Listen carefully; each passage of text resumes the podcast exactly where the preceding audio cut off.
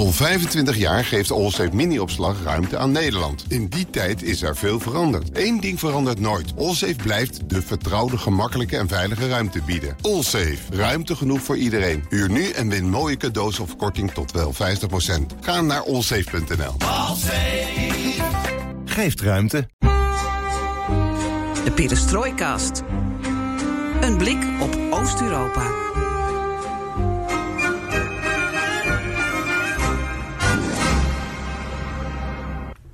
Welkom bij Perestrooi Quarantaine, een tijdelijke spin-off van de Perestrooikast. De tweede aflevering, want we komen om de paar dagen met flitsen. Het concept is vrij simpel. We praten hierbij over de belangrijkste ontwikkelingen in onze regio rondom het coronavirus. Wie weet leer je er nog wat van als je het vergelijkt met hoe het in Nederland nu wordt bestreden. We bellen ook zo nu en dan daarom met eh, een aantal van onze kameraden. En elke keer geven we je ook een lees- of luister- of kijktip. Want ja, jij zal iets meer thuis zijn dan normaal misschien. En als je de tijd wil doorkomen met iets moois uit onze regio, dan hopen we je dat te kunnen faciliteren. Ik moet zeggen, ik ben zelf druk genoeg met de poepluiers. Maar wie weet kan er een boekie tussendoor. Met dit keer, waarom doet Lukashenko alsof er weinig aan de hand is in Wit-Rusland? Waarom moet Polen de presidentsverkiezingen door laten gaan? Hoe belandt corona nou weer in Centraal-Azië? En waarom smijten ze in Kosovo niet met potten en pannen, maar slaan ze er wel op?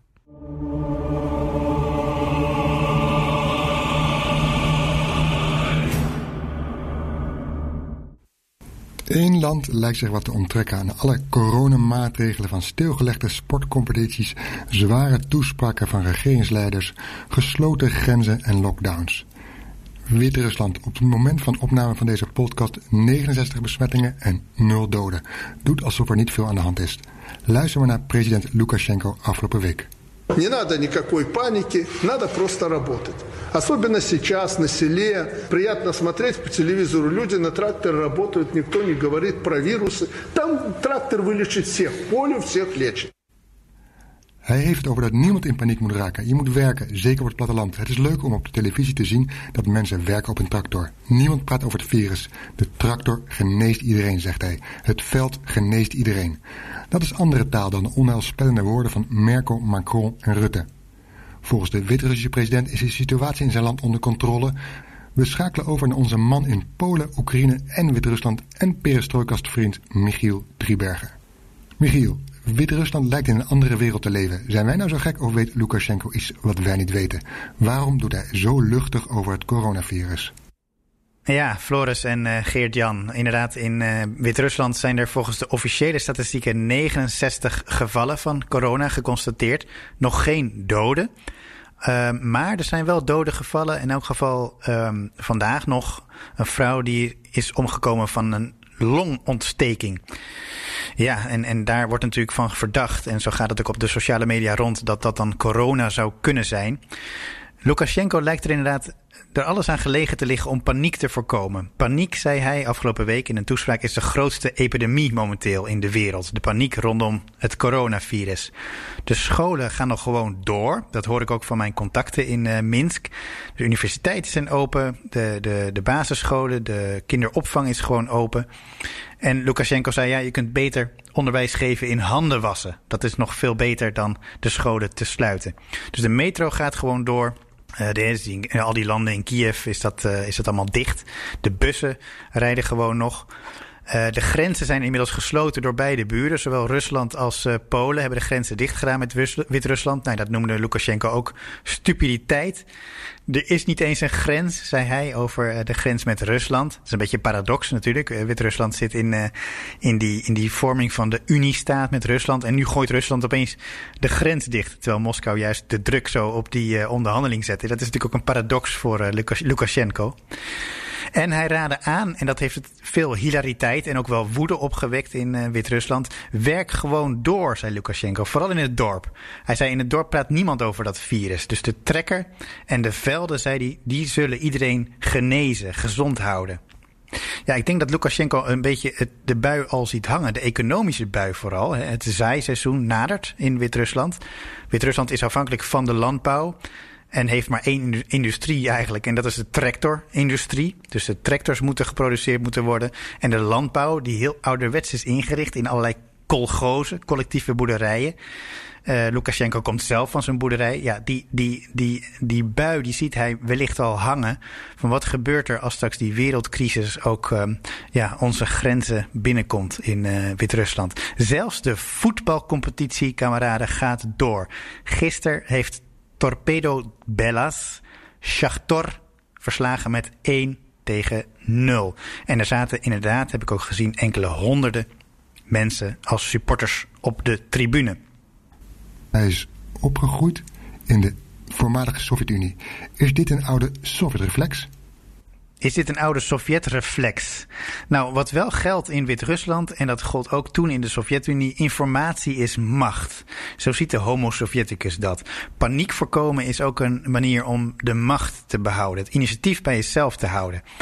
Um, een voorbeeld, uh, deze week twee dagen geleden, uh, op het moment van opnemen, werd uh, Jadok gearresteerd. Een activist, een anarchist. Hij heeft een boek gemaakt, Kleuren van een parallele wereld. Dat gaat over zijn jaren in de gevangenis. Jonge vent, begin 30 nog maar, en hij is gearresteerd nu. Hij is opgepakt. En hij vertelde me een half jaar geleden in een interview wat ik met hem had, uh, zei hij van nou, als ik word opgepakt, dan betekent dat dat het regime nerveus is. Ze denken dan dat ik misschien oproep tot protesten. Uh, nou ja, dus het zou kunnen dat, dat Lukashenko dus zenuwachtig is. Ik heb aan een andere activiste gevraagd, die hem dan ook wel weer goed kent, van wat zou er nou kunnen spelen. Nou, uh, zij beaamt eigenlijk, arrestaties, dat zijn eigenlijk een graadmeter. Zij zei, uh, Lukashenko is bang. Uh, dus ze proberen dus mensen die anderen zouden op kunnen roepen tot protest, die proberen ze nu uh, ja, uh, onschadelijk te maken. Wellicht tijdelijk. Misschien komt hij met een boete of een korte gevangenisstraf vanaf. Hij is al wat gewend, dus hij heeft jaren in de gevangenis gezeten. Maar het is een teken als dit soort jongens worden opgepakt, vaak met hele, ja, in ieder geval onder het mom van hele kleine vergrijpen. Bijvoorbeeld, hij zou nu, Mikola Jadok zou graffiti hebben gespoten. Nou, dat mag natuurlijk niet. De economische crisis, zei deze activisten, is al heel erg diep in Wit-Rusland. En nu daalt de Wit-Russische roebel in waarde hè, vanwege die dalende olieprijzen. Wit-Rusland draait op olie. Er is maar één ding waar, waarmee ze hun geld uh, binnenhalen vanuit het buitenland, zeg maar. En dat is de olie, de ruwe olie. Die wordt geraffineerd. Als die prijs daalt, heeft uh, Wit-Rusland er onmiddellijk effect van. Sommige zaken zijn al niet meer in de winkel te vinden, hoor ik. En rondom het coronavirus, ja, niemand weet hoeveel mensen er ziek zijn en hoeveel de mensen er zijn overleden. En niemand vertrouwt de autoriteiten. De informatie van de autoriteiten zijn per definitie niet te geloven. En, en dat maakt de onzekerheid groot. En het maakt wellicht ook dat, ja, dat dit soort gevaarlijke jongens, zoals Mikola, uh, ik zal de zaak in de gaten houden, houden de komende dagen. Dat hij dus opgepakt wordt. Welke maatregelen heeft hij wel genomen? Ja, ondertussen zijn er wel zeker uh, maatregelen aan de gang. Uh, uh, begin februari was er al nieuws dat Wit-Rusland humanitaire hulp zou sturen naar China. Nou, Lukashenko heeft ook gezegd: China zal ons helpen. Zij hebben nu ervaring met het coronavirus. Dus wat dat betreft heeft Lukashenko het niet helemaal ontkend dat het probleem gaande is. Hij heeft ook gezegd dat er getest wordt. Er zijn 16.000 testen. Dat is, dat is beduidend meer dan in Oekraïne. 16.000 testen zouden er zijn geweest op corona. Uh, nou ja, als, als dat zo is, dan zou dat heel goed nieuws zijn. Want dan, dan zou het zo zijn dat er heel veel getest wordt en relatief weinig gevallen zijn ten opzichte van, ten opzichte van bijvoorbeeld ons. Um, uh, dat zou waar kunnen zijn, maar je weet het dus niet. Het zou ook niet waar kunnen zijn. In elk geval, capaciteit is vaak niet het probleem in voormalige Sovjetlanden. Uh, er zijn heel veel ziekenhuisbedden. Maar ja, apparatuur, uh, daar ontbreekt het ongetwijfeld aan. Dat is in Oekraïne ook en dat zal in Wit-Rusland niet heel erg anders zijn, verwacht ik. Gebeurt ondertussen wel van alles, hè. Uh, als gevolg van het coronavirus. Dus de, de, halve finale van Miss Belarus is uitgesteld, bijvoorbeeld. In ziekenhuizen, en dat zijn dus verhalen die niet van de autoriteiten komen, maar van mensen die ik daar spreek. Uh, in ziekenhuizen krijgen mensen, bepaalde mensen meer geld omdat ze meer werk hebben. Waarom hebben ze dan meer werk? Dat wordt dan weer niet bekendgemaakt. er wordt ook verteld dat ziekenhuizen wel degelijk voorbereid worden. Dat er bijvoorbeeld afdelingen worden vrijgemaakt. Nou, waarvoor dan? Dat wordt ook weer niet echt gezegd. Want de president blijft dus zeggen dat er geen bijzonderheden aan de gang zijn in, in de ziekenhuizen. Nou ja, activisten ondertussen die, die pleiten ervoor dat gevangenissen bijvoorbeeld waar heel veel jonge mensen zitten, 18 min, maar ook 18 plus, veel jongeren. bijvoorbeeld vanwege drugsvergrijpen, dat die gevangenissen worden leeggemaakt. In elk geval tijdelijk, dat, dat, dat die jongeren naar huis zouden mogen. vanwege dat virus. Nou ja, daar zullen ze bij het regime denk ik geen. Daar zal het regime denk ik niet meteen oren naar hebben. Dus wie dit weekend live voetbal wil zien, kan terecht in Wit-Rusland. Intussen is Polen in de ban van een discussie om de presidentsverkiezingen wel of niet door te laten gaan. Op 10 mei is de eerste ronde. En president Duda die zou dan graag herkozen willen worden. Alleen tot nu toe beweegt hij niet in die discussie. Die verkiezingen moeten wat hem betreft doorgaan. Bewegen dat doet vicepremier Piotr Glinski daarentegen wel een beetje. Schoorvoetend en als je de regels eh, een beetje tussendoor kan beluisteren, dan hoor je dat. Want in een interview op de Poolse radiozender RMF-FM zegt Glinski, tevens minister van Cultuur, dat hij nu wel naar de stembus zou gaan als er verkiezingen zouden zijn, maar dat hij het wel een moeilijke vraag vindt om te beantwoorden en dat hij niet uitsluit dat hij over twee weken een andere afweging zou moeten maken. Ook zegt Glinski voorbereid te zijn op meer coronapatiënten. Ga niet in groepen naar buiten, waarschuwt hij, maar ga alleen wandelen in een park of ga alleen het bos in. Tot nu toe zijn er in Polen vijf mensen aan de gevolgen van het coronavirus overleden. Als we kijken naar de Centraal-Aziatische buurlanden van Rusland, daar leek lange tijd niet zoveel aan de hand. Tot halverwege maart geen enkele coronamelding, terwijl deze landen grenzen aan dan wel om de hoek liggen van China en Iran, twee brandhaarden. Het zijn natuurlijk niet de meest vrije regimes daar. Die, graag willen doen, die doen graag alsof er niets aan de hand is om paniek te voorkomen. En januari zijn in een videoboodschap in Ars dat er 70 besmettingen zijn in Kazachstan. Later riep hij dat het om een grap ging. Maar wie in Kazachstan valse informatie verspreidt over het coronavirus kan worden gestraft. Dus uh, kijk uit met wat je daar zegt. Inmiddels heeft het virus Centraal-Azië wel degelijk bereikt. We gaan de landen één voor één af. Om te beginnen bij Kazachstan. Geen 70, maar 49 besmettingen, ook veroorzaakt door mensen die vanuit Wit-Rusland reisden. In Kazachstan is een noodtoestand uitgeroepen, grenzen zijn gesloten, Scholen, behalve kleuterscholen, zijn dicht en het leger helpt steden te desinfecteren. De steden Almaty en Nur Sultan zijn in quarantaine. Dit houdt onder andere in geen tot beperkt openbaar vervoer. Mensen worden geacht binnen te blijven. Grote winkelcentra en verhuizen en warenhuizen zijn gesloten. En alleen voedsel en medicijnen kun je halen in winkels, supermarkten en apotheken. Dan Kirgizië. De regering heeft op 20 maart zes gevallen gemeld. Scholen zijn gesloten, het land heeft de toegang voor buitenlanders verboden. De voormalige Amerikaanse militaire basis op de luchthaven van Manas wordt gebruikt als quarantaineplaats. Het ministerie van Binnenlandse Zaken zegt dat 15 mensen zijn aangehouden omdat ze desinformatie op sociale netwerken hebben verspreid. Tajikistan dan. Nul besmettingen. Moskeeën zijn vanaf 20 maart weer open nadat ze zijn gedesinfecteerd. Deze week hield de president een lange toespraak. Geen woord over het coronavirus, wel over vaccins voor vee. Over naar Turkmenistan. Ook hier geen besmettingen volgens de overheid dan. Hoewel onafhankelijke media berichten dat er wel degelijk coronagevallen zijn. De hoofdstad Ashgabat is afgesloten. Dan als laatste Oezbekistan. 33 gevallen, de noodtoestand is uitgeroepen, grenzen zijn gesloten, scholen zijn dicht en eh, per bus, auto reizen. Dan als laatste Oezbekistan. 33 gevallen, de noodtoestand is uitgeroepen, grenzen zijn gesloten, scholen zijn dicht en je kan niet reizen per bus, trein, auto en vliegtuig in en uit Oezbekistan. Er is een financieel noodpakket in het leven geroepen om de economie te versterken. De staatstelevisie zendt onderwijslessen uit. En Hoge geestelijken hebben fatwa uitgesproken waarin moslims wordt opgeroepen om het vrijdaggebed niet bij te wonen in de moskee totdat de gezondheidssituatie is gestabiliseerd. De vijf dagelijkse gebeden moeten thuis worden verricht. In Kosovo, in de hoofdstad Pristina, klinkt het geluid van potten en pannen. Niet zoals in Nederland om het zorgpersoneel een hart onder de riem te steken, maar omdat de regering er volgens hen juist een potje van maakt. Vanaf het balkon besloten de Kosovaren hun ongenoegen te uiten over de huidige regeringspartijen die in de beleving van de gewone Kosovaar vooral bezig zijn met politiek bedrijven.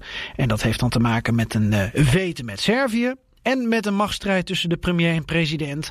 En alles behalve met het bestrijden van de coronacrisis. Wat is er aan de hand? Er komen nu een boel namen en partijen voorbij, dus ik hoop dat ik het duidelijk uitleg. Maar het begon met het ontslag van de minister van Binnenlandse Zaken, Agim Veliu. En Veliu is van de Democratische Liga van Kosovo, de LDK afgekort. Een coalitiepartij. En de leider van de LDK is het niet eens met het ontslag van deze minister, van hun partij dus. Officieel werd minister Veliu ontslagen omdat hij volgens premier Kurti niet op de juiste manier met de coronacrisis in zijn land zou omgaan. Veliu die wilde de noodtoestand in Kosovo uitroepen. Dat was echter tegen het zere been van de premier. En er werd dus gezegd, hij heeft onnodig paniek gezaaid, reden voor ontslag. Het was echter niet het plan van de minister van Binnenlandse Zaken zelf, maar van de huidige president van Kosovo, Hashim Taci.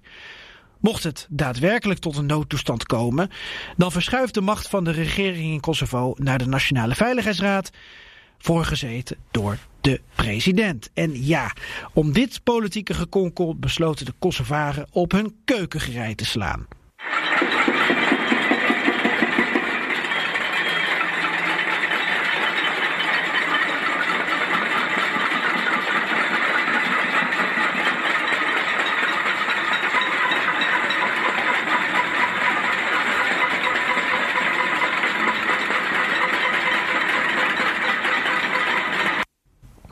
Over die coalitiepartij LDK, die was al op ramkoers met andere coalitiepartners.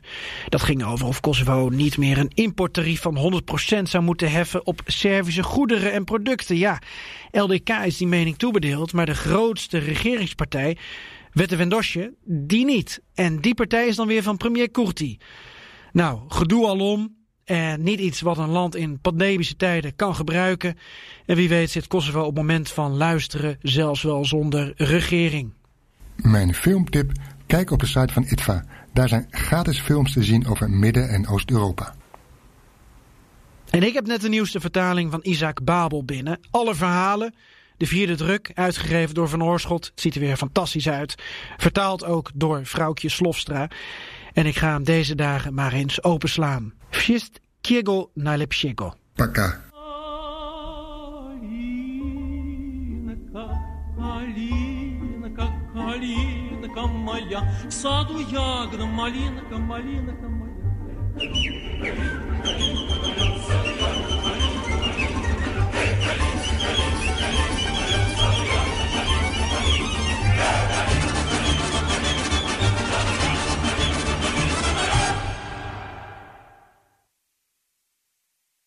25 jaar geeft Allsafe Mini-opslag ruimte aan Nederland. In die tijd is er veel veranderd. Eén ding verandert nooit. Allsafe blijft de vertrouwde, gemakkelijke en veilige ruimte bieden. Allsafe. Ruimte genoeg voor iedereen. Huur nu en win mooie cadeaus of korting tot wel 50%.